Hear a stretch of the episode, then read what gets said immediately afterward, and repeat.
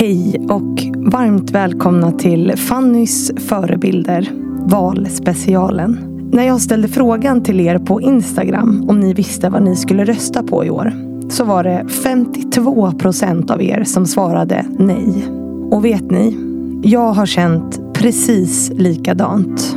För mig och jag tror också för många av er så kommer jämställdhet vara en av de avgörande frågorna för hur jag röstar. Och därför ville jag lära mig mer om de olika partiledarnas jämställdhetspolitik. Så jag bestämde mig för att fråga dem om just det. Något som var viktigt för mig var att vara politiskt oberoende och att bjuda in alla. Och att de som ville vara med också skulle få vara det. Ni som lyssnar på den här podden, ni vet ju också att nyfikenhet är ett nyckelord för mig i det jag gör. Och därför valde jag också att ha just den inställningen i alla samtal som jag har haft. Jag ville inte vara kritisk utan låta partiledarna förklara mer djupgående hur de ser på och hur de tänker lösa olika utmaningar när det kommer till just jämställdhet. Min uppmaning till er som lyssnar är därför att verkligen göra det. Att verkligen lyssna på vad som sägs i de här avsnitten.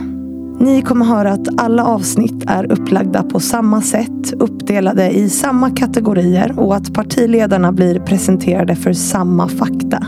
Allt för att skapa en rättvis bild som ger er möjligheten att göra grundade val när ni går till valurnorna i september. När alla avsnitt med de olika partiledarna är släppta kommer också komma ut fyra avsnitt där vi klippt ihop samtliga partiledares svar under de olika kategorierna som vi pratar om. För att det ska bli lättare för er att jämföra helt enkelt.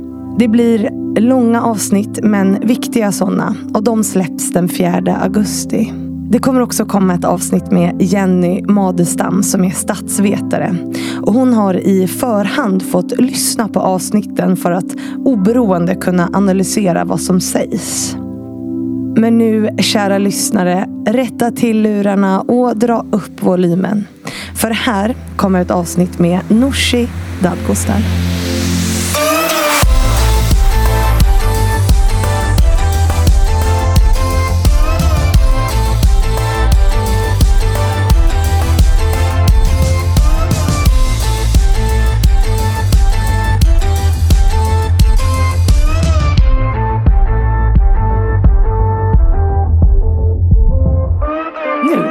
Säger vi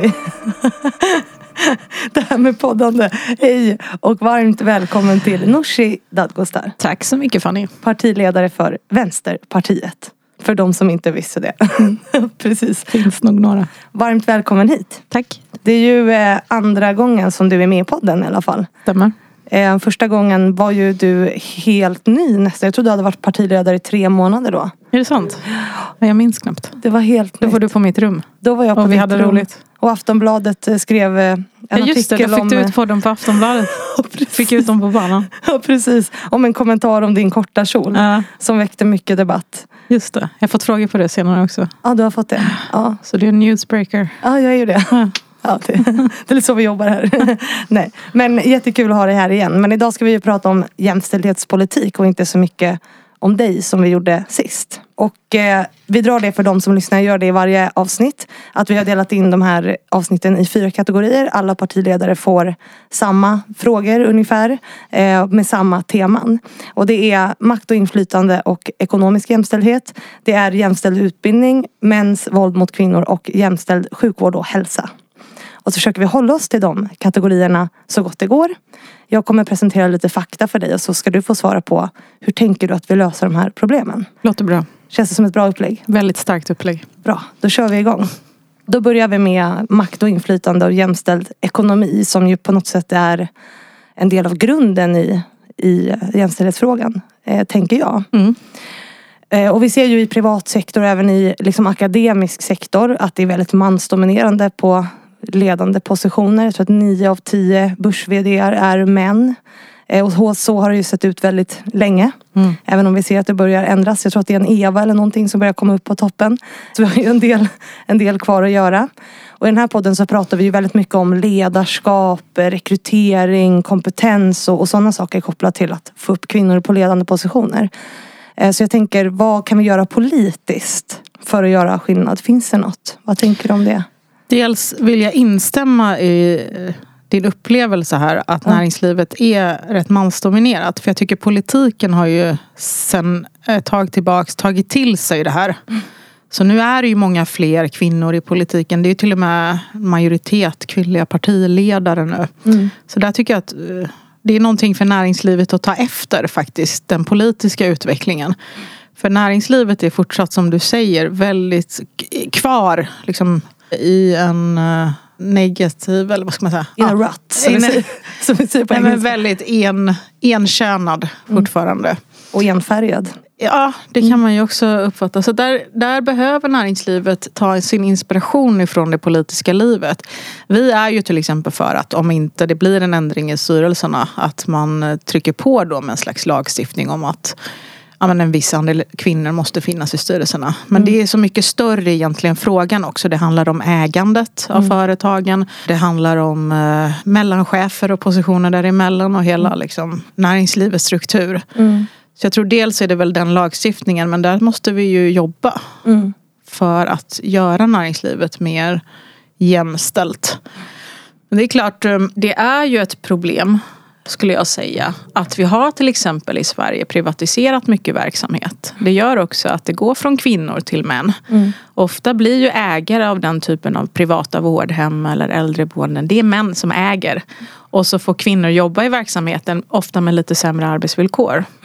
Så även när man då flyttar från offentligt till privat så blir det en sämre eh, könsfördelning. Så det, det är också en av anledningarna till att vi vill behålla ett större liksom, demokratiskt offentligt ägande. För det gör att kvinnor får äga mycket mer. Att mm. vi tillsammans äger mycket mer mm. än annars. Men jag, jag, delar helt och hållet att, att här behövs fler metoder för att göra näringslivet mer, mer jämställt. Så vi får in, en representation. Det måste ju spegla samhället. Mm. Liksom, även näringslivet. Så du tänker att liksom, eh, kvoteringen i styrelser är ett sätt att göra det?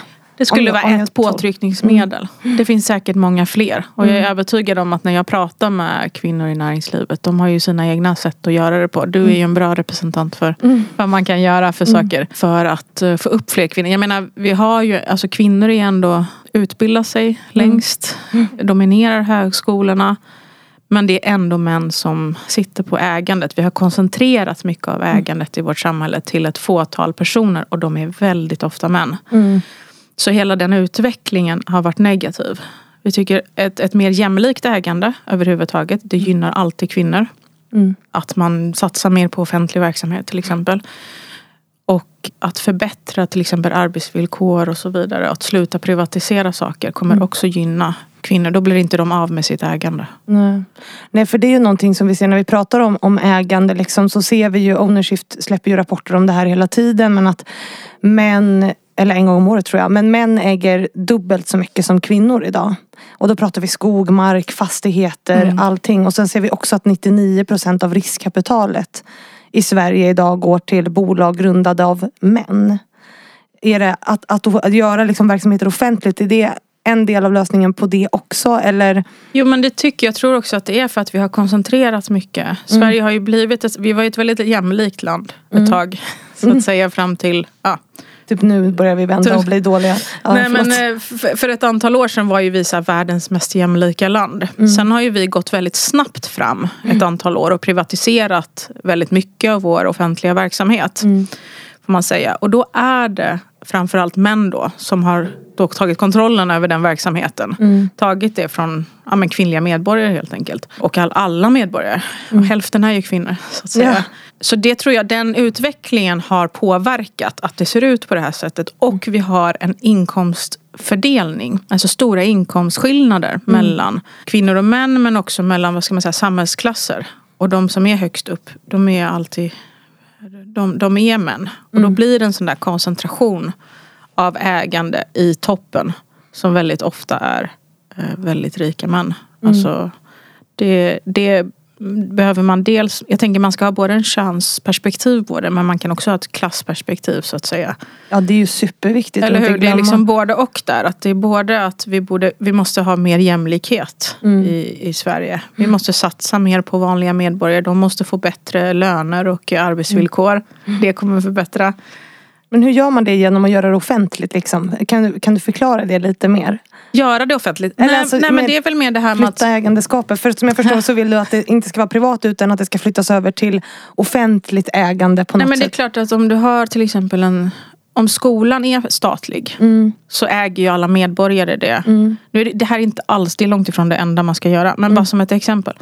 Ja, men då äger ju alla i Sverige vår svenska skola. Mm. Men det är klart, har du tre, fyra skolbolag som i allt väsentligt är män som äger skolan sen. mm, Ja, men då går ju hela den stocken av ägande till eh, några privata personer som väldigt ofta är män då.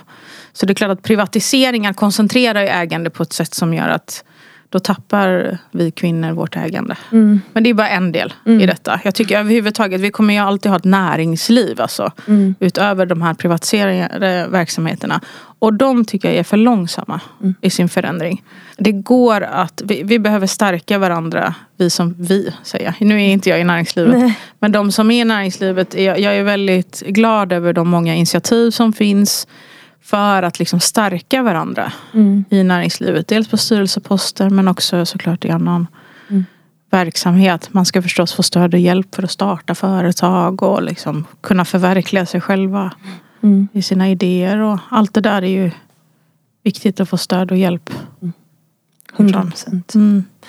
Eh, Och när vi pratar liksom om ägande och makt och inflytande och vi har varit inne nu lite på ekonomi, vi börjar närma oss det. Mm. Eh, Och du, jag tyckte också att du nämnde ordet inkomster. Eh, Men jag kan ha, ha fel, men jag tyckte jag hörde det. Mm. Men det, det tar mig i alla fall vidare till nästa punkt som är just inkomster.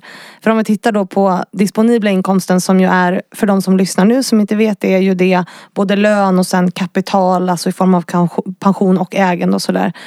Den har ju sett likadan ut i 25 år. Skillnaden är 23 procent fortfarande idag. Vilket ju är tragiskt Mm. eh, på många sätt. Eh, vad tänker du att vi behöver göra åt det? Flera saker. Mm. Bakgrunden till det här är dels att vi värdediskriminerar kvinnodominerade arbeten och arbetsplatser. De arbetsplatser där det arbetar många kvinnor. Mm. Skolan, eh, vården, omsorgen. Men också om man säger restaurangbranschen. Mm. Där är det lägre löner. Därför att arbetsmarknaden eh, belönar inte kvinnor utifrån deras kompetens och arbetsinsats. Medan det är man får högre lön för att ta hand om en bil till exempel än att ta hand om en människa eller vara vaktmästare istället för undersköterska. Mm.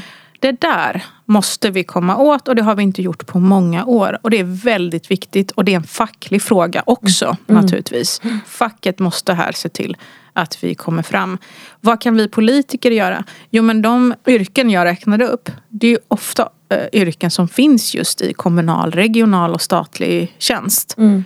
Vi skulle kunna tillföra mer pengar relativt sett till de verksamheterna så att de kan få utrymme att höja sina löner. Mm. Eh, Det är ju liksom grunden skulle jag säga till varför det ser ut så. Mm. Sen är arbetsvillkoren ofta sämre i kvinnodominerade eh, sektorer. Nu vet jag att det har blivit vissa ändringar att även män får sämre villkor. Men jag vet att jag var, ju, eh, jag var aktiv i Handelsanställdas förbund. Då sa man ju alltid det att i skoaffären där det nästan alltid jobbar kvinnor. Där är det bara deltid som erbjuds. Men på sportbutikerna där kan de minsann få ihop det med heltider. Ja. Att kvinnor erbjuds eh, väldigt ofta deltidstjänster medan det är helt naturligt att män, fastän man till och med är i samma sektor. Mm. Där måste arbetsgivarna förändra hur de organiserar. Eh, Och vi vill ju i grund och botten ha rätt till en heltid. För du vet, får du inte jobba tillräckligt många timmar då får du väldigt lite pengar. Och sen har du allt det här du säger. Det är därför vi har kämpat så mycket för pensionerna. Ja. För alla som lyssnar nu så har ju vi i, i 25 år har ju Sverige haft en grupp i riksdagen som typ inte har velat att vi pratar om det där med pensioner. Och vi tycker att särskilt kvinnor som jobbar ett helt arbetsliv, de får inte tillräckligt bra pensioner efter arbetslivet. Och det försöker vi förändra. Det är ju, större, större andel fattigpensionärer är ju kvinnor. Liksom. Näst, ja, Och jag har några siffror här i mina papper. dem. Jag har ju bra sifferminne men inte alla. Men vi har, eh, kvinnor har i, snitt 31 procent lägre pension än män. Det är ju till och med, om man, om man lyssnar på den här siffran och du såg, sa inkomstskillnader, det är till och med mer än de där Ja. inkomstskillnaderna. Så ä- när vi går i pension så blir till och med klyftan hö, liksom större. Mm. Därför att pensionssystemet i sig är fel. Mm. Så det är jag väldigt glad över att vi har fått upp pensionsfrågan Mm. på politikernas radar. Äntligen.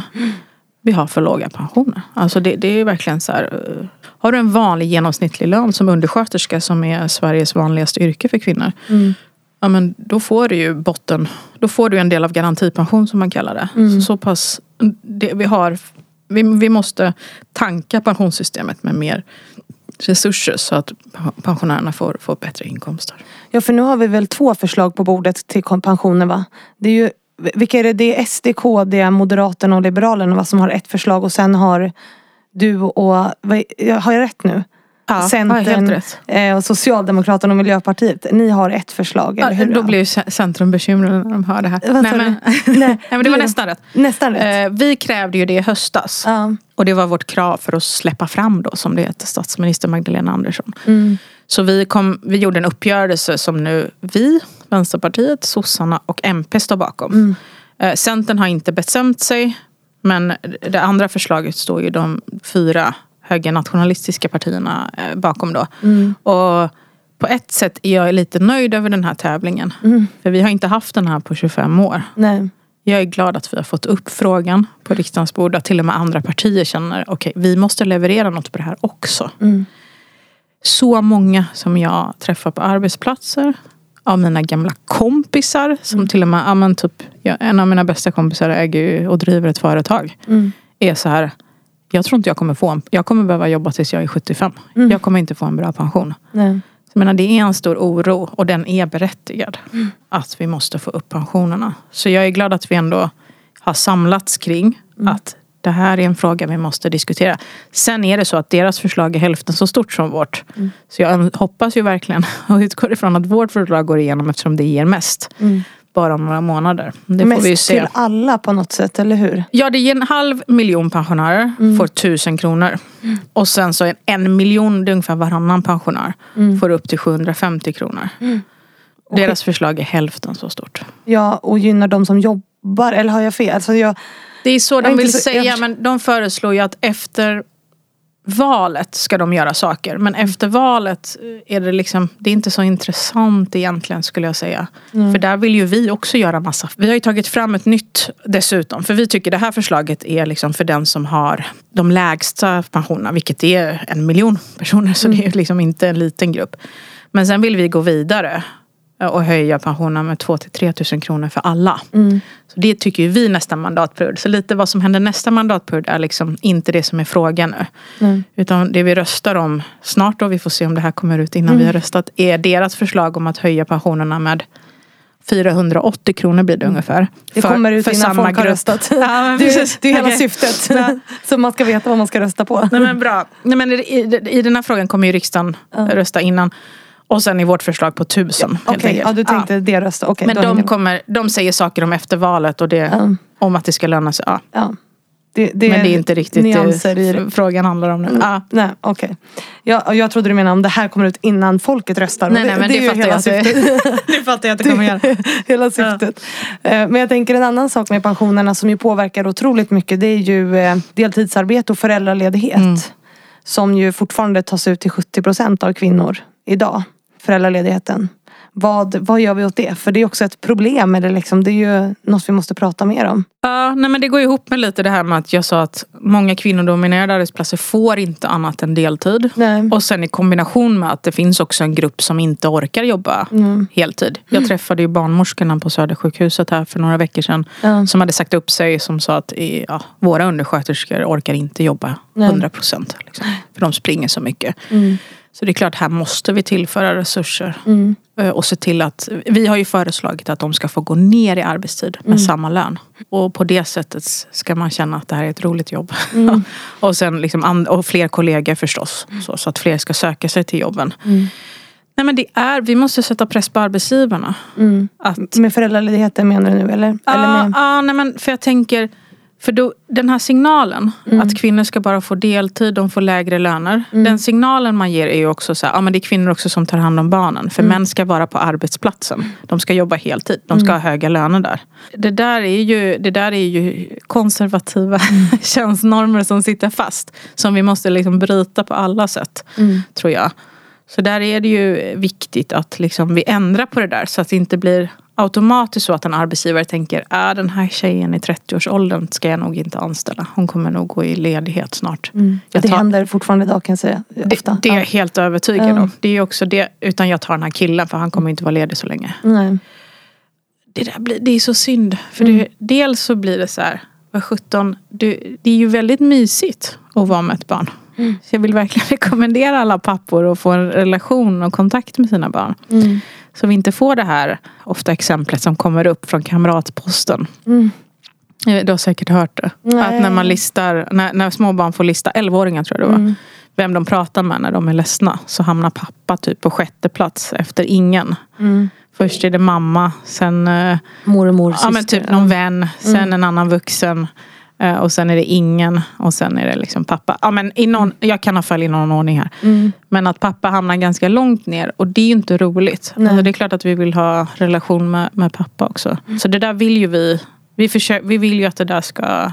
Man ska känna att mamma och pappa har lika mycket ansvar för både hemarbete och för barnens utveckling. Och att vi må, måste ändra strukturerna i arbetslivet för att det ska bli möjligt. Mm. Så att både alla arbetsplatser måste ha familjevänliga också arbetsvillkor och arbetsmiljöer. Så att säga. Eller hur? Så att man ska kunna vara, man måste kunna vara förälder på alla jobb. Det tror jag är, är väldigt viktigt. Där har ju vi något förslag också till exempel om man är egenföretagare. Att man ska få hjälp att bli ersatt själv om man måste gå på ledighet. Och så att vi på olika sätt ser till att det där blir gjort. Kan vi göra något mer politiskt för att förändra de här normerna? Tänker jag? För idag har vi ju tre, vad är det, tre pappamånader va? Mm. För jag läste någon studie på Försäkringskassans eh, hemsida som de har gjort någon intervjustudie som liksom visar att det är väldigt mycket normer knutet till moderskap som begränsar liksom, papper från att ta ut föräldraledighet. Att vi har någon sån här kärnfamiljsvärdering liksom, i samhället som begränsar alla. Hur tänker ni kring liksom, tvingade pappamånader eller såna här saker? Är det något som ni... Ja, men vi skulle vilja att man skruvar upp antalet för, för pappa. S- Det blir ju en signal till arbetsgivaren framför allt. Att nu måste du göra, liksom, acceptera att de anställda kan behöva ta ut sin, sin ledighet. Det tycker jag är ganska bra. Och att man har det där, man känner att man har den här rätten att ta ut sin... All, alla våra system är ju ofta väldigt, de är ju kopplade till individen. Så i grund och botten tycker vi att det, det här försäkringen borde också vara det. Men så om man då eh, som individ väljer att säga, nej men jag som mamma vill, för det måste man ju också få välja eh, om man vill som mamma då vara hemma eh, hela tiden med barnet. Finns det något annat sätt vi kan säkra upp då pensionen? För det drabbar ju kvinnor väldigt mycket att vara hemma med barn eh, pensionsmässigt. Vårt förslag är ju att om föräldraledighet, arbetslöshet och sjukförsäkring ska inte påverka Nej. pensionsinbetalningen. Utan, eller det kommer det göra lite ändå. Men pensionsinbetalningen ska gå på inkomsten som du hade innan. Mm. Så att du inte faller ner i inkomst. Det är bra. Ja, det är, en viktig, det är ett ganska viktigt krav från oss. Vi går vidare till eh, nästa punkt då, eller i, fortfarande i samma kategori. Men det är att bland utrikesfödda med eh, kvinnor då med låg utbildning så är 45 procent, eller var 45 procent arbetslösa år 2020. Och vi ser ju också att det är utrikesfödda kvinnor som ju redan tjänade sämre som har drabbats hårdast av eh, coronapandemin. Mm. Vad, vad gör vi åt det, eh, tycker du? Jag tänker arbetslöshet ska man komma ihåg. Det är liksom ett samhällsproblem. Och eh, det kommer alltid att drabba människor som ja, men har kanske svårast att komma in. Så var det ju även för 20 år sedan när vi hade arbetslöshet. Mm. Då var det kanske en annan grupp som drabbades hårdast. Men i grund och botten handlade det om ekonomin och hur, hur många vi anställer. Liksom. Så vi behöver ju ändra antalet personer som vi kan anställa på äldreboenden. Mm. På sjukhus. Vi måste ha en ekonomi som gör att typ lager kan anställa fler personer. Får vi fler, mer efterfrågan på jobb, då kommer de också komma in. Mm. Jag tänker bara så man inte tror att eh, just nu har vi personer som är omöjliga. På, så här har ju alltid, alltid mm. arbetslöshet. Det kommer alltid vara liksom en grupp som drabbas. Men tro inte att det är speciella personer som inte kan jobba. För alla människor vill och kan liksom arbeta. Mm. Och man kan tänka sig, hur ska man lära sig jobbet? Ofta kan man göra det på jobbet. Mm. Alltså man kan, bli, man kan få praktik, komma in och liksom prova språket, lära sig. Men självklart är det också väldigt bra om Arbetsförmedlingen till exempel ägnar sig åt att väldigt aktivt och tydligt förbereda människor för jobb. Mm. För idag funkar inte Arbetsförmedlingen som det är tänkt. Mm. Så att man får, alltså de ska jobba med att där har du praktik, varsågod. Här har du en utbildning, mm. gå den. Alltså väldigt tydligt ger liksom människor stöd och hjälp. Men mitt jobb är också att eh, se till att det finns resurser så att de kan bli anställda på en skola som resurspersonal. Eller, mm. Alltså vi måste kunna anställa fler in i verksamheten. Mm. Då minskar den gruppen. Mm. Bra, konkret svar. Ja. Känner du dig nöjd med den här kategorin? Jag hoppas att du är nöjd. jag är supernöjd.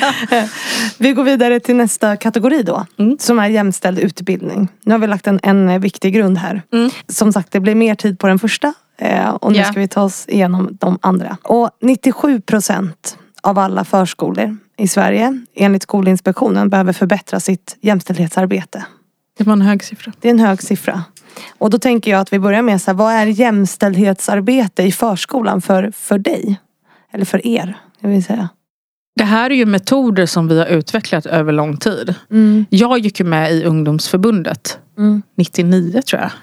Då började man ju prata om genuspedagogik och det här måste vi börja med nu är det säkert inte så vi började prata men liksom i samhällsdebatten tycker mm. jag det kändes som att det kom fram mycket under senare 90-tal. Så jag har ju verkligen varit med under hela den här processen när det har blivit mer och mer etablerat att för att alla ska kunna vara sig själva måste vi börja ganska tidigt och komma bort från de här ibland destruktiva liksom, könsrollerna. Börja, det sätter sig ganska tidigt i livet. Oh ja. Förskolläraren idag lär ju sig det här på sin utbildning. Alltså det, mm. Vi har ju kommit en bit på vägen och det finns bra metoder. Mm. Det som jag tycker har hänt i Sverige sedan dess. Det är att, och det ser jag faktiskt, nu vill jag inte hänga ut någon, men liksom bara när jag ser på mina vänners förskolor, jag ser på min egen förskola. Det är så låg bemanning och så lite personal. Så det är klart att då har du väldigt svårt att uppmärksamma mm. att Kalle och Jonna så att säga, får leka med olika saker på sitt sätt och anstränga dig för att kompensera för att de ska liksom kunna själva känna efter vad de vill jobba med och inte mm. automatiskt göra det som ligger i normen eller så. Mm. Jag tror mycket hänger på det. Jag har ju en syster som jobbat väldigt mycket i förskolan. Hon är ju så här, vi ser till jag hoppas ju att hon inte... Nej men det kan, alltså att det känns som att vi ska ju bara se till så de överlever mm. här i förskolan. Och det är klart, då är det svårare att jobba väldigt systematiskt och eh, ingående med det här pedagogiska arbetet. Mm. Och det är väldigt mycket springvikarier eh, som i grund och botten kanske då inte har haft den här utbildningen. Vilket inte heller är dåligt. Men liksom både barnskötare och förskollärare kan ju göra det här tror jag. Om de hade haft tiden och resurserna att faktiskt fokusera på det. Mm. Så det tycker jag, det kan låta banalt men det är mitt viktigaste liksom, besked. Mm. Att vi måste se till att vi vill vi få bort könsrollerna och, och låta våra barn leva det liv de vill mm. och inte bli follade direkt. Då måste vi prioritera det även ekonomiskt och då måste vi liksom ha mer personal som kan lägga tid på detta och planera för det här. Och då stoppar man in mer pengar eller resurser eller hur funkar det? Ja det tycker jag. Och vi ser till att inte, det får inte läcka resurser på annat. Mm. Inte massa mer administration bara. Mm. Där vi bara sitter och gör liksom Ibland blir det som att man bara sitter och kör, eh, vad heter det? Excel-ark eller? Excel-ark och utvecklingsplaner men liksom, mm. vi måste ju också genomföra det som finns där. Det mm. tycker jag är det viktigaste. Och inte massa privata där det, där det läcker ut pengar utan alla pengar måste in till barnen. Mm. Jag, tycker jag, jag, jag, känner det här med förskolan har blivit mer och mer akut. Och mm. jag får mycket mejl mm. från förskollärare och personal från förskolorna som tycker, ja men det är särskilt förstås på grund av pandemin. Mm. Där det har blivit tydligt. Liksom, att äh, vi, vi, måste göra något åt förskolan. Den, vi måste satsa mer resurser på det. Det är inte seriöst att inte göra det. Liksom. Nej, de har ju en avgörande roll. Alltså vi, vi lägger ju mycket tilltro till en yngre generation. Liksom. Och jag tänker att vi ska gå upp lite i åldrarna också när vi pratar om det här. Därför att det var ju Statistiska centralbyrån, tror jag men inte minns fel, som gjorde en undersökning eh, som visade att en av fyra eh, pojkar eller unga män tycker att vi kvinnor liksom överdriver det här med ojämställdheten. Att det liksom inte är ett så stort problem. Äh. Vilket ju är intressant och på ett sätt tragiskt. För det är på något sätt de vi, vi hoppas på ska komma ut och liksom vara så här och jämställdhetskämpar och liksom stötta oss kvinnor i kampen på något sätt. Eh, men studier visar ju att det inte är så. Mm. Eh, hur tänker du att vi kommer åt det lite äldre åldrar. För vi kan ju liksom inte sitta och vänta heller på att de som är ett idag liksom ska göra någon typ av skillnad. Eller förstår du? Jag, jag håller med, det börjar ju i förskolan. Mm. Men vi måste ju fånga upp den generationen vi har nu också. Vad kan vi göra där? Verkligen. Och det där har jag ju känt eh, i Sverige länge. Att vi säger att vi är världens mest jämställda land. Mm. Alltså det blir ibland som ett motargument också. Till slut bara. En ursäkt. Ja, ja, precis. Alltså det har ju också blivit Åker man till andra länder så är alla med på att det är ojämställt. Ja. liksom, men de tycker det är rätt kanske. Ja. Men här är det så här, nu, här har vi ett annat problem. Nämligen att vi måste landa i verklighetsbilden. Och ja, nej men där får vi väl försöka jobba på vårt håll för att landa i verklighetsbilden. Mm. Tycker ändå att vi är ganska överens i det konkreta. Alltså man kan på ett abstrakt plan kanske säga så. Mm. Men det finns ju en ganska politisk stor enighet kring att kvinnor tjänar mindre än män. Mm. Och det är inte rimligt. Problemet är väl att liksom, det händer ingenting. Mm. Men jag tycker vi har, vi har ju ändå landat i någon politisk konsensus kring vissa sådana här typer av frågor. Mm. Det som är lite synd är att frågan är inte liksom högre upp på dagordningen på något sätt. Det finns för lite tycker jag att vi liksom på allvar resonerar kring. Vad gör vi då åt löneskillnaderna på riktigt? Mm. Hur mycket kostar det? Varför, varför tillsätter vi inte de här pengarna? Alltså om vi gick in i det där tydligare så kanske man liksom För jag tror i grunden att många är överens om att det, det är så här. Men kanske där under finns en konflikt. Det är därför det inte händer någonting. För någon måste betala och mm. eh, någon måste vara hemma med barnen och sådär. Ja, det är ju skillnad på att säga att det är viktigt och att faktiskt göra någonting åt det. Ja. Eh, det är lätt att säga att det är jämställt. Alltså det är viktigt att det är jämställt. I så stora, ja. ja sådär i största allmänhet. Men mm. sen blir det ändå så här, ja men sjukförsäkringen ska vi försämra. Och jo, jo, men det drabbar ju väldigt många kvinnor. Mm. Så att liksom många av sådana struktursaker också är viktigt att komma ihåg. Ja, men det drabbar, när du inte höjer pensionen så drabbar det kvinnorna. Mm. Mer tjat kanske. Mer tjat. Är det bra? Ja, jag, jag tycker vi ska få in det i skolan på något sätt. Ja men absolut. Um, det tycker jag definitivt. Och börja utbilda i det. Liksom. Men nu vet jag att skolorna ska ha någon form av jämställdhetsarbete och utbilda i det i, i läroplanen. Sen är jag dålig på i vilken utsträckning man gör det. Liksom. Nu låter jag ju som en sån här jätte gammal människa. Men liksom att på, när jag gick på gymnasiet så ja. var det ju väldigt eh, stort att man skulle ha jämställdhetsgrupper. Mm. Och en, hålla på mycket med jämställdhet. För annars blir det ju alltid bara en temadag. Mm. Som man har tycker jag på gymnasiet. Men att, det, liksom, att man försökte få det att genomsyra alltihopa. Men jag menar, det är få tjejer jag möter idag som inte kallar sig feminister. Mm. Så var det inte när jag växte upp. Nej. Trots allt. Alltså då var det en fight. Så jag tycker ändå att vi har kommit steg på vägen. Mm. Och så får vi fortsätta kämpa. ja, och sen är det väl politiska beslut som kan liksom skapa det här. Mm. Alltså, ser vi till att få jämställda löner eller ja, men då, då tror jag att vi människor anpassar oss till det också. Mm. Så jag tror här måste politiken gå före. Inte stå och säga bara så här, ah, men kolla den där kallade sig inte feminist så vi kan inte göra något. Nej, liksom. Utan mm. det går ju att göra sakerna. Mm. Så kommer vi att liksom jag menar vi, i Sverige har vi gjort väldigt mycket. Mer än många andra länder och det, mm. det går ju väldigt bra tycker jag. Mm. Killarna köper också det. Och vi ska också prata om flickorna i, i, lite högre åldrar än förskolan. För att i årskurs nio så presterar ju flickor bättre. Alltså det ser vi ju generellt i utbildningar. Men i årskurs nio så ser man att de är mycket duktiga. De får bättre betyg. Eh, men de är också stressade. Mm. Och mår väldigt psykiskt dåligt på grund av det. Mm. Vad kan vi göra åt det? Politik. För det här hänger ju också såklart ihop med massor med normer och duktiga flickor och sådär. Men kan vi påverka Ja. det politiskt på något sätt? Nej men det är en kamp att vara tjej. Mm. Och, och det tycker jag är något vi verkligen måste prata om. Det är bra att få bra betyg. Mm. Men skolan kan inte vara så stressande, så hetsig att man i samband med det mår dåligt och känner att man inte är värd något om man inte heller kommer dit. Och det här, det här kommer... Det är så taskigt att säga men det gäller ju även det här vi pratar om med näringslivet. Mm. Att, eller, eller andra platser också. Att tjejer känner de måste vara dubbelt så duktiga som killarna. Mm. För att vara på samma plats. Mm. Så det här är ju hela, liksom, och, och det ger ångest och det ger oro. Att man måste hela tiden prestera för att vara någonting. Så det här är ju hela problemet Mm. med liksom könsroller och könsmaktsordning eh, och det samhälle vi lever i. Att det får den här effekten. Att så många tjejer då mår dåligt när de inte uppnår då, eller även om de uppnår det Mm. så är det inte tillräckligt någonsin. Eh, Och så ska det inte vara. Och sen när man har fått så bra betyg och allting var, blev precis så där som man eh, grät sig igenom på nätterna för att komma. Då hamnar man ju i ett arbetsliv där killarna ändå får högre betyg, eller högre lön.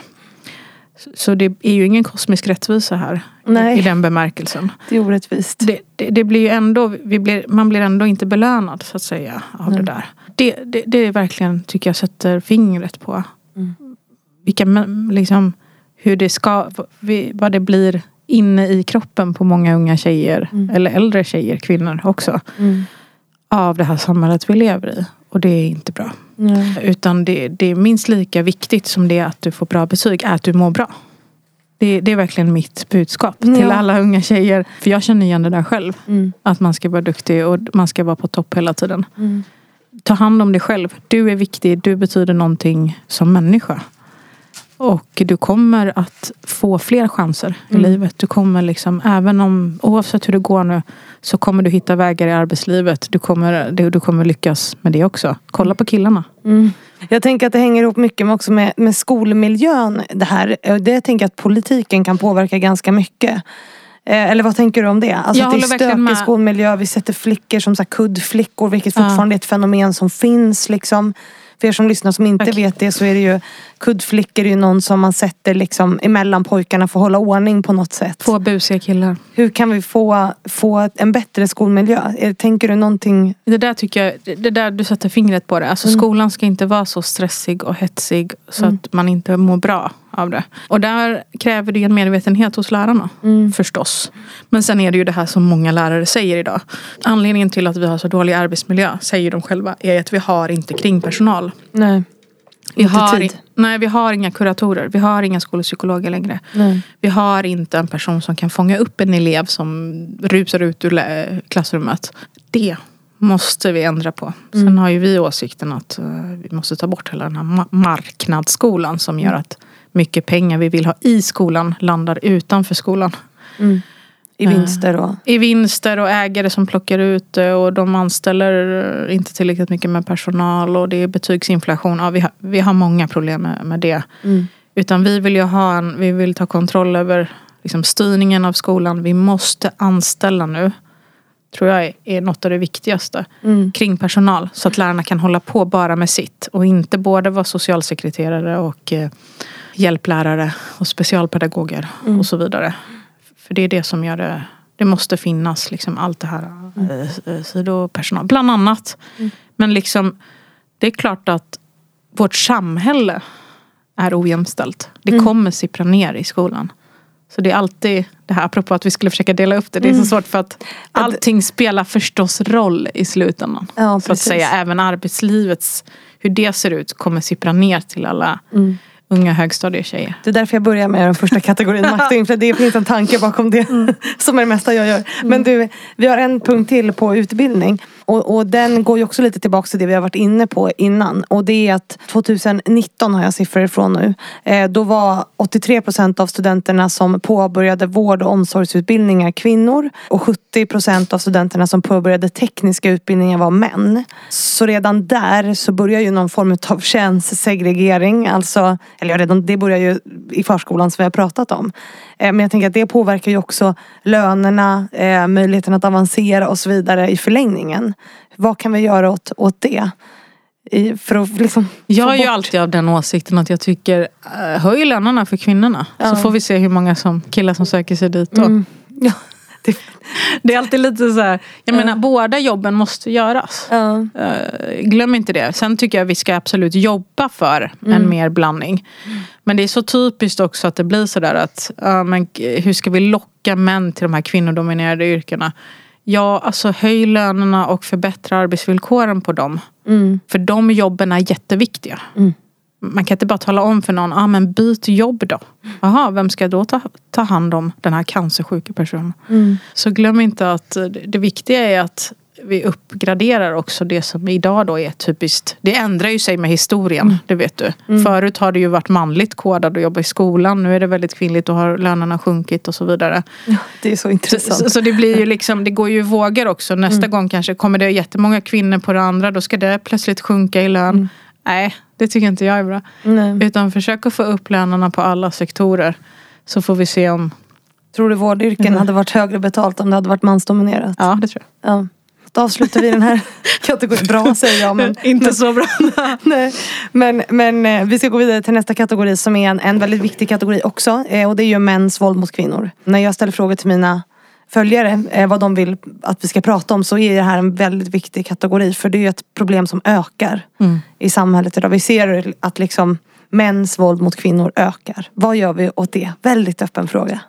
Du bara, jag ser helt chockad ut men det, är- det är ju inte en sak men Nej, alltså särskilt under pandemin ska man veta så tror jag att det var extra svårt att söka hjälp och komma hemifrån. Och det skapar en instängdhetskänsla för många kvinnor som blir utsatta framförallt hemma då. Så det är ju extremt oroväckande att det här våldet ökar och det är både mot barn och mot eh, mammor då. Och vi behöver göra allt vi kan från samhällets sida för att liksom, öppna de här dörrarna. För att m- kvinnor ska känna att de kan komma ut och söka hjälp när de vill det. Vi, vi har ju en rad förslag på liksom hur man ska förstärka socialtjänsten, öka insatserna långsiktigt för kvinnojourerna så att de kan fungera mycket bättre och att de kan ha rum som man kan få övernatta på. Som mamma till exempel. Så att man kan ta sig ifrån den här lägenheten som man är i. Men det, det är ett, ett det är vårt största folkhälsoproblem. Och det kräver en medvetenhet.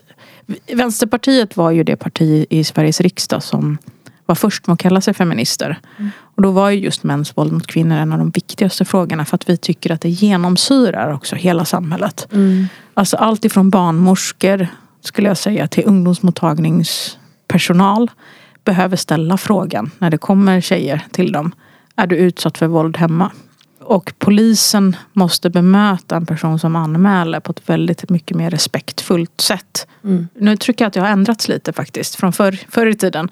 Men det är fortfarande liksom att man behöver ha mer kunskap om just mäns våld mot kvinnor. Så jag tycker att det här, vi har, vi har sett en viss rörelse mot kunskapshöjande, vilket jag tror är det viktigaste.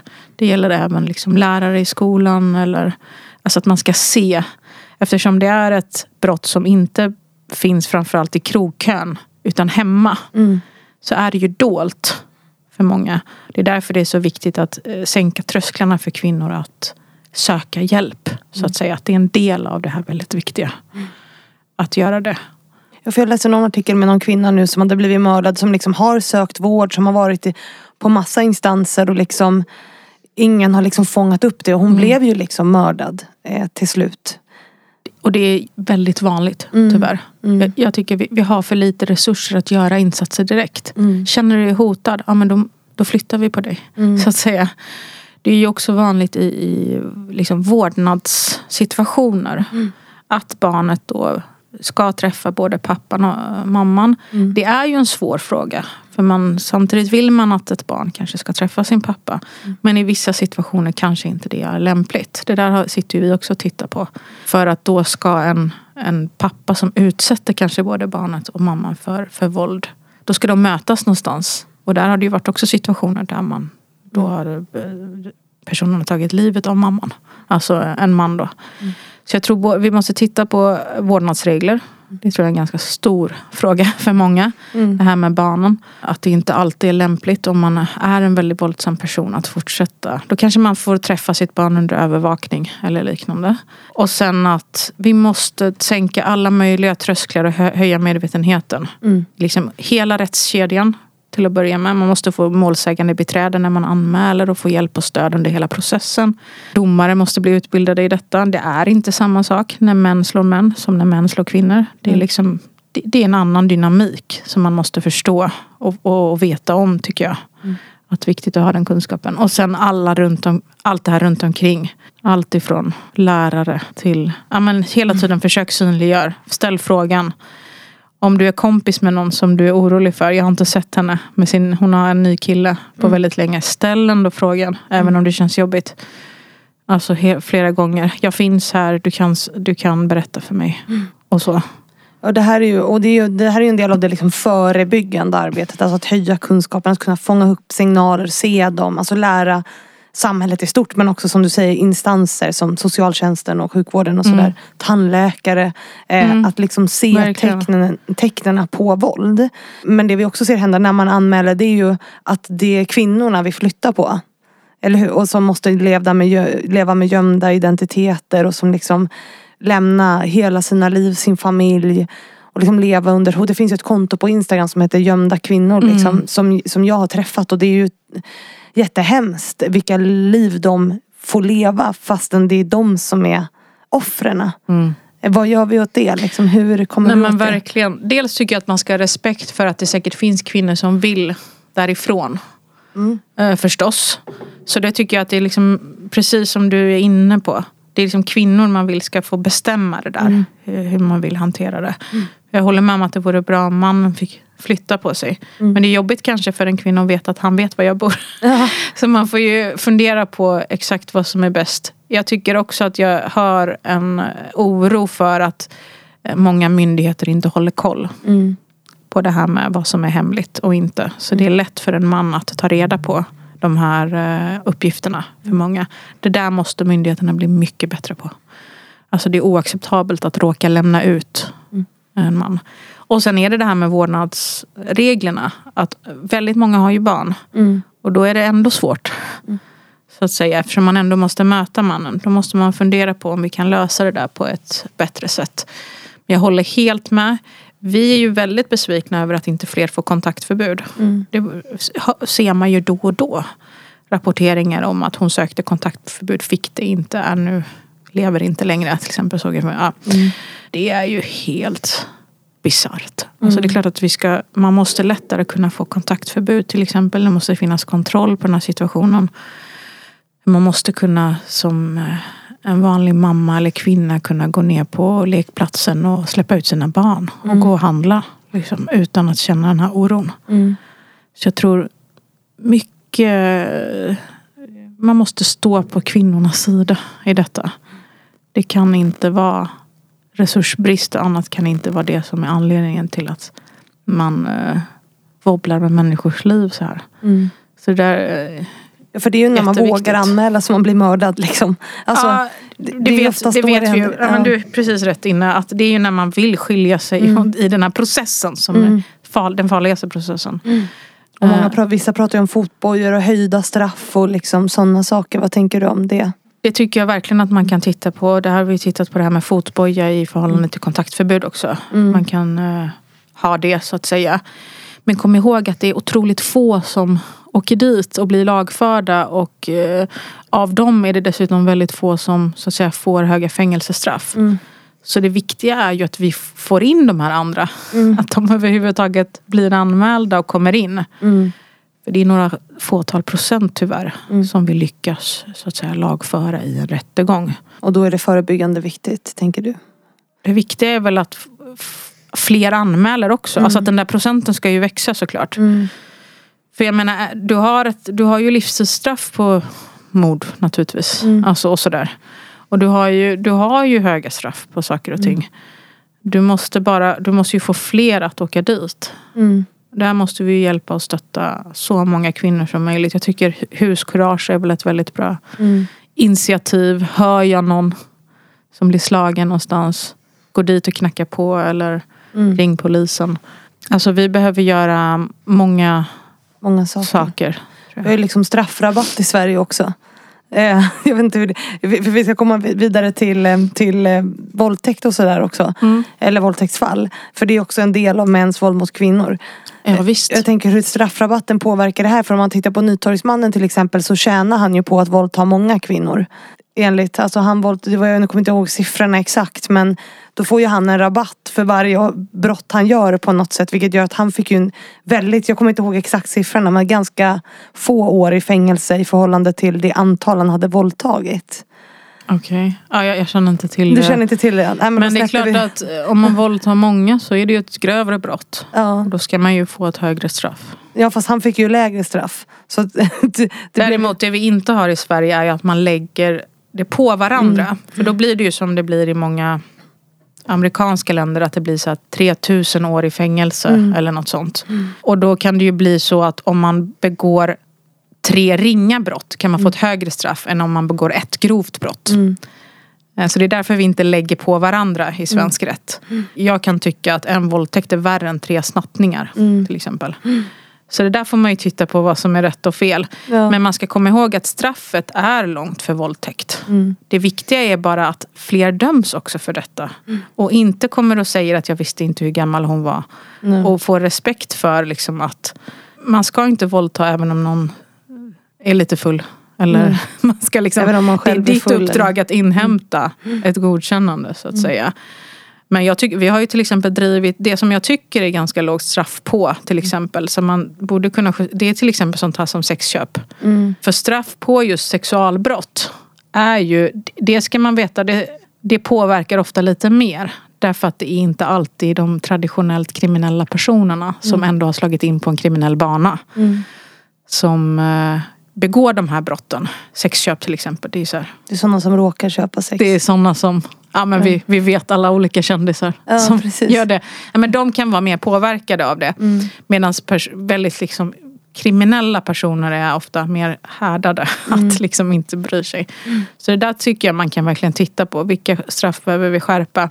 Jag tror just när det gäller misshandel, våldtäkt och så vidare. Så är det också väldigt viktigt att få in fler fall.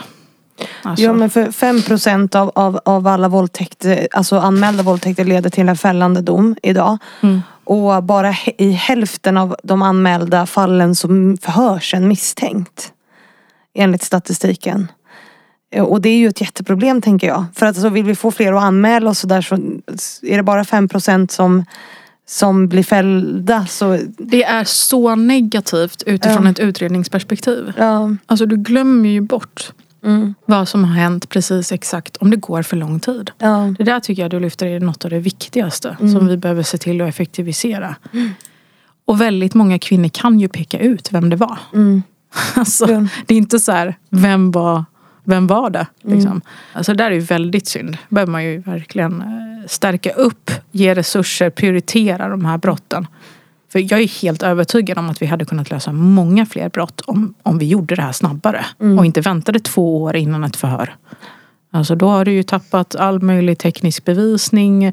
Personer som satt i rummet när det hände, de har flyttat utomlands. Alltså, Mm. det, det skadar ju verkligen möjligheterna. Och sen har vi ju en samtyckeslag i Sverige. Hur tycker du att den har påverkat liksom? Jag tycker den är väldigt bra. Mm. Och den ger en bra normerande effekt. Mm. Som är viktigt i de här sammanhangen. Eh, Att man ska inhämta samtycke. Mm. Det är det som är. Det är ett ja som du ska ha. Inte bara en avsaknad av nej så att säga. Nej. Och det har vi ju sett påverka faktiskt. Hur man resonerar i domskälen Mm. vid eh, den här typen av mål. Mm. Tycker det är bra. Då går vi vidare till nästa kategori. Den sista kategorin. Känner du med? Tror jag Ja. överlevt so far. Så vi går vidare till eh, jämställd sjukvård och hälsa. Mm. Som är den sista punkten här idag. Och då är det ju så att kvinnor är ju idag sjukskrivna i dubbelt så hög utsträckning som män. Ofta relaterat till stress eh, och psykisk ohälsa. Mm. Vad tänker du om det? Jag ställer bara öppna frågor så får du... För mig är inte det förvånande. Nej. Det är framförallt på, på kvinnors arbetsplatser och i kvinnors jobb som man har dragit ner mest. Mm. Tittar man ja, men på min, återigen, mammas arbetsplats. Mm. De ska göra tre gånger så mycket. Men det är ungefär lika mycket personal som det var för kanske 30 år sedan. Mm. Alltså, det är klart att det är en enorm stress och enorm liksom, diff mellan det du ska uppnå och de resurser du har för att uppnå det. Mm. Det är ju receptet för stress generellt sett. Mm. Du har, du, du har inte kontroll över vad du ska göra och du har inga resurser för att uppnå det där målet. Och sen i kombination tror jag med att det är fortfarande kvinnor som gör mycket av hemarbetet. Det Eh, obetalda. det, precis. Ja. Man ska städa och tvätta när man kommer hem. Det har ju gjorts sådana här mätningar på att mäns puls går ner när de kommer hem och kvinnors puls går upp. Mm. För då ska börja det nya arbetspasset. Så där är vi ju fort inne lite på det här vi, vi har touchat kring, kring hemarbete och barn och familj och så. Mm. Att även det påverkar säkert. Mm. Så det, men jag tror det har haft en väldigt stor påverkan att vi har dragit ner så mycket på vård, skola omsorg till exempel. Och Mm. socialtjänst. För det handlar om, det handlar om människor. Mm. Att de ska få massa rättigheter till exempel när du jobbar på socialtjänsten. Och så kan du inte uppnå det där. Nej. Det skapar ju jättestressat. Mm. blir ju stressat. Jag tänker, och det, och det har vi pratat om också tidigare, att så här, det är ju inte bara egentligen eh, kvinnor som liksom jobbar utan, och som har barn. Även om vi ser att sjukskrivna går ju upp efter andra barnet, eller, eller hur? Då är då Mm. på något sätt som det blir som värst. Men vi ser ändå genomgående att tjejer och kvinnor är stressade. Och jag tänker att det behövs ta på större allvar. Mm. Alltså hur kan man göra det politiskt förutom att satsa på vårdyrken? För, för det är så, jag tolkar det så att man behöver liksom förbättra arbetsvillkoren för kvinnodominerade yrken, eller Mm. hur? Vad, finns det någonting annat du tänker att vi kan göra för att förbättra kvinnors hälsa? Det var svåra frågor. Nej, men vi pratade ju om det här med att redan i skolan känner sig många unga kvinnor stressade. De behöver prestera dubbelt så mycket. Mm. för att eh, uppnå liksom samma eh, sak som en, en Mm. kille och det, och det slår igenom i arbetslivet. Mm. Det behöver vi ju ändra på. Vi behöver se till att kvinnor inte behöver jobba dubbelt så mycket Mm. för att komma på samma plats som killar. Du kommer tillbaka till strukturen Nej men alltså vi behöver ju liksom st- stoppa det. Ja. Utan nu får olika män sluta bli inkvoterade. Mm. Nu stoppar vi in kvinnor istället. Ja. Då, då får, blir det en, infinner det sig en känsla av relaxing. Ja, ja. Eh, och kvinnor ska inte behöva kämpa och slita för att få samma löneutveckling som män. Nej. Eller hur? Nej. Alltså då ger vi ju signalen tydligt. Du är värd väldigt mycket som du är. Mm. Du behöver, vi, vi tar inte ditt arbete för givet. Liksom, som många känner. Det du gör är värdefullt. Mm. Det är ju ändå i slutändan det det handlar om. Ja, men att komma åt strukturen som värderar kvinnor lägre. Om Ja, jag ska försöka att på liksom något sätt, ja men verkligen. sammanfatta ditt svar. Att, att ge det där. Ja, det Mm. var väldigt, en väldigt bra sammanfattning. Och sen att vi väl också ska samarbeta lite kring hemarbetet. Mm. Jag är helt övertygad om att män också är jättebra på att ta hand om sina barn. Mm. Och att städa. Och att diska. Och att eh, typ packa matsäcken. Packa gympapåsen. Köpa presenter. Köpa presenter. Ja. Ha kontakt med mormor och morfar och farmor och farfar. De är jätteduktiga på det. Mm. Så det ska vi ge dem chansen att liksom utveckla ännu mer. Mm. Det är bra uttryckt. Ge dem chansen att utveckla det, för de kan ju. Mm. Är helt övertygad. Vi ser också eh, i Sverige att vi har ju ständigt liksom ökat medellivslängden bland människor. Eh, men för första gången på 200 år så ser vi att det är en demografisk grupp där medellivslängden minskar. Och det är lågutbildade kvinnor. Mm. Vilket ju är, är tragiskt och så här, jättehemskt. Eh, vad, vad gör vi åt det? Jag tycker det är vedervärdigt Mm. och en av de brutalaste eh, sakerna Mm. som jag har fått diskutera. Att vi, nu lever vi i ett, sam, ett sånt klassamhälle. Att arbetarkvinnor, de lever kortare tid medan alla andra liksom lever längre då. i vårt moderna samhälle. Att inte det är mer diskussion och debatt och krisläge kring det. Jag tycker det är så bra att du tar upp det. Det chockar mig faktiskt. Eh, och det är. Eh, liksom, då får vi ju eh, titta på vad, hur, hur lever arbetarkvinnor eh, sina liv eh, i förhållande till andra. Men jag menar, du har ju haft, vi har ju haft en utveckling där vi har jättestora ekonomiska klyftor nu i Sverige. På ett, under väldigt kort tid. Och just de här frågorna vi har tagit upp under mandatperioden har faktiskt eh, har påverkats av den här statistiken du tar upp. Alltså att sjukförsäkringen har varit så dålig och låg. Så att om du blir sliten på ditt jobb, som väldigt många blir, då blir du typ utförsäkrad från Försäkringskassan. Det är klart att, eh, hur ska du orka det? Du ska leva på dina barn då resten av livet. Det är oacceptabelt. Det, det, det funkar inte. Det är vi själva som betalar in till den här försäkringen. Men också pensionerna till exempel. Att det, vi land, liksom de, många arbetarkvinnor jobbar helt liv men landar i en otroligt låg pension i slutändan ändå. Ja, Jag tycker vi, vi har urholkat våran välfärd och det är väldigt upprörande. Och det, det drabbar mammorna och döttrarna. Och kvinnor framförallt. Kvinnorna. Det, det tycker jag. Och det är förstås går ju ihop med allt det här vi har sagt att det är framförallt deras arbetsplatser som dras ner på. De privatiseras så att ägarna blir männen som tar pengarna och de själva får sämre arbetsvillkor. Till exempel. Vi börjar, eh, vi börjar och det börjar rinna ut med tid.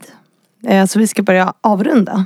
Eh, men du ska få säga vad är det mest akuta som du vill, om du får bestämma nu. Så här, var börjar du någonstans? Ta bort karensdagen. Mm. Det är många som under pandemin har burit oss genom de här covid-åren. Mm. Har ju verkligen sagt det. I alla fall till mig. Det var väl, nu blev det väldigt konkret. Jättekonkret. Men det är alltså den här första dagen. Man ska inte behöva betala för den. Nej. eh, Om man blir sjuk. Tycker jag är viktigt. Och sen kommer vi fortsätta att höja pensionerna och förbättra sjukförsäkringen. Många kvinnor påverkas av det. Mm. Och det är ju för att lönerna som jag i grunden tycker ska höjas. Det, det, det kommer jag se till på olika sätt om det går. Att bidra till att höja. Men gå med i facket och se till att de jobbar för det. Det är det viktiga. Det är det viktiga. Ja. Men då säger vi tusen tack för att du har varit här Nooshi. Eh, Tack Fanny. Det var jättekul. ja, vad bra. Och tack kära lyssnare för att ni har lyssnat på det här avsnittet av Fannys förebilder, valspecialen. Det blir en intensiv period med många poddavsnitt.